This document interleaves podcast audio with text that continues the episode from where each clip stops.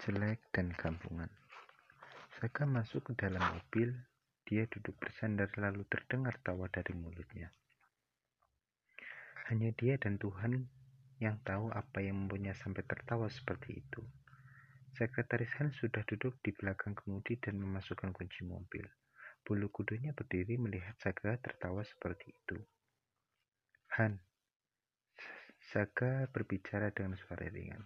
Iya, Tuan Muda, Sekretaris Han menghidupkan mobil kemudian keluar dari area parkir dan melajukan mobil membelah jalanan yang ramai. Kau lihat tadi, rambutnya bergelombangnya. Hahaha, apa yang dia benar-benar perempuan? Bagaimana dia bisa tidak berdandan dan bertemu denganku? Sekretaris tertawa dengan cara yang sama. Aku ingin menarik rambutnya tadi. Sekretaris Han hanya terdiam. Dia melirik kaca spion melihat saya di belakang. Terlihat sangat terhibur dengan apa yang dia katakan, bukan dia terhibur dengan objek yang sedang jadi pembicaraannya.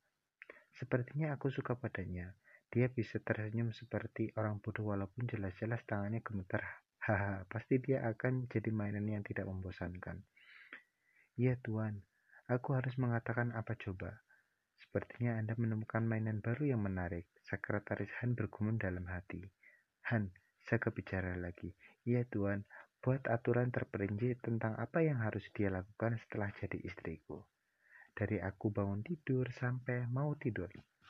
Buat dengan detail, semakin gila semakin baik. Tertawa lagi. Han melirik kaca spion lagi merasa khawatir. Tuan mudanya kapan terakhir tertawa seperti itu pikirnya. Apa ada yang salah dengannya hari ini? Dia benar-benar sangat jelek. Hahaha. Bagaimana dia bisa punya tinggi badan seperti itu? Apa orang tuanya tidak memberinya makanan bergizi saat pertumbuhannya? Siapa tadi namanya? Saya bahkan tidak ingat nama wanita yang akan menjadi istrinya. Dania Andini Tuan. bagaimana dia bisa punya nama yang kampungan begitu? Tidak tahu bagaimana harus bereaksi, hanya merasa merinding melihat sikap tuan mudanya. Buatkan semua daftar apa yang aku sukai dan tidak aku sukai. Aku benar-benar ingin tahu apa dia masih bisa tersenyum seperti itu setiap melihat daftar kewajibannya. Baik, Tuan. Bagaimana bisa ada wanita sejelek itu? Apa aku suruh dia operasi plastik setelah menikah ya? Tidak, tidak lebih bagus dia jelek seperti itu.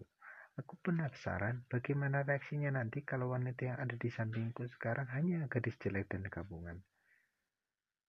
Han melirik spion lagi. Suara Tuan Saga sudah berubah getir. Senyum atau tawa di bibirnya sudah lenyap. Sekarang dia bersandar di sandaran kursi dan memejamkan mata tenggelam dalam kesepian sendirinya.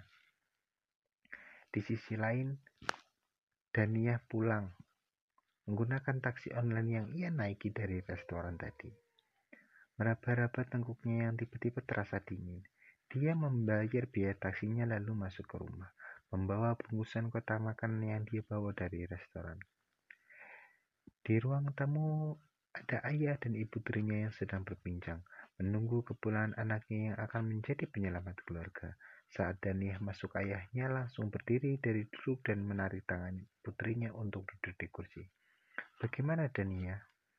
Tuhan suka menyukaimu kan? Hanya itu yang ingin kalian tahu kan? Kamu tidak membuat masalah kan? Apa itu yang kamu bawa? Ibu tirinya mengambil tas yang masih ada di tangan Dania. Makanan dari Tuan Saga, Dania menjawab. Makanan apa itu berarti dia menyukaimu? Kalian akan menikah kan? Ayah sangat antusias. Semuanya berjalan sesuai dengan rencana ayah. Saya lelah, saya permisi ke kamar. Dania menjawab datar. Baik, baik, sana istirahatlah. Dua orang tua itu tidak peduli ada kristal bening di pelupuk mata putri mereka yang menetes saat dia berjalan menaiki tangga. Hanya terdengar tawa bahagia dari keduanya. Mereka sudah lepas dari kebangkutan dan hidup akan jadi lebih mudah bagi mereka ke depannya. Bersambung.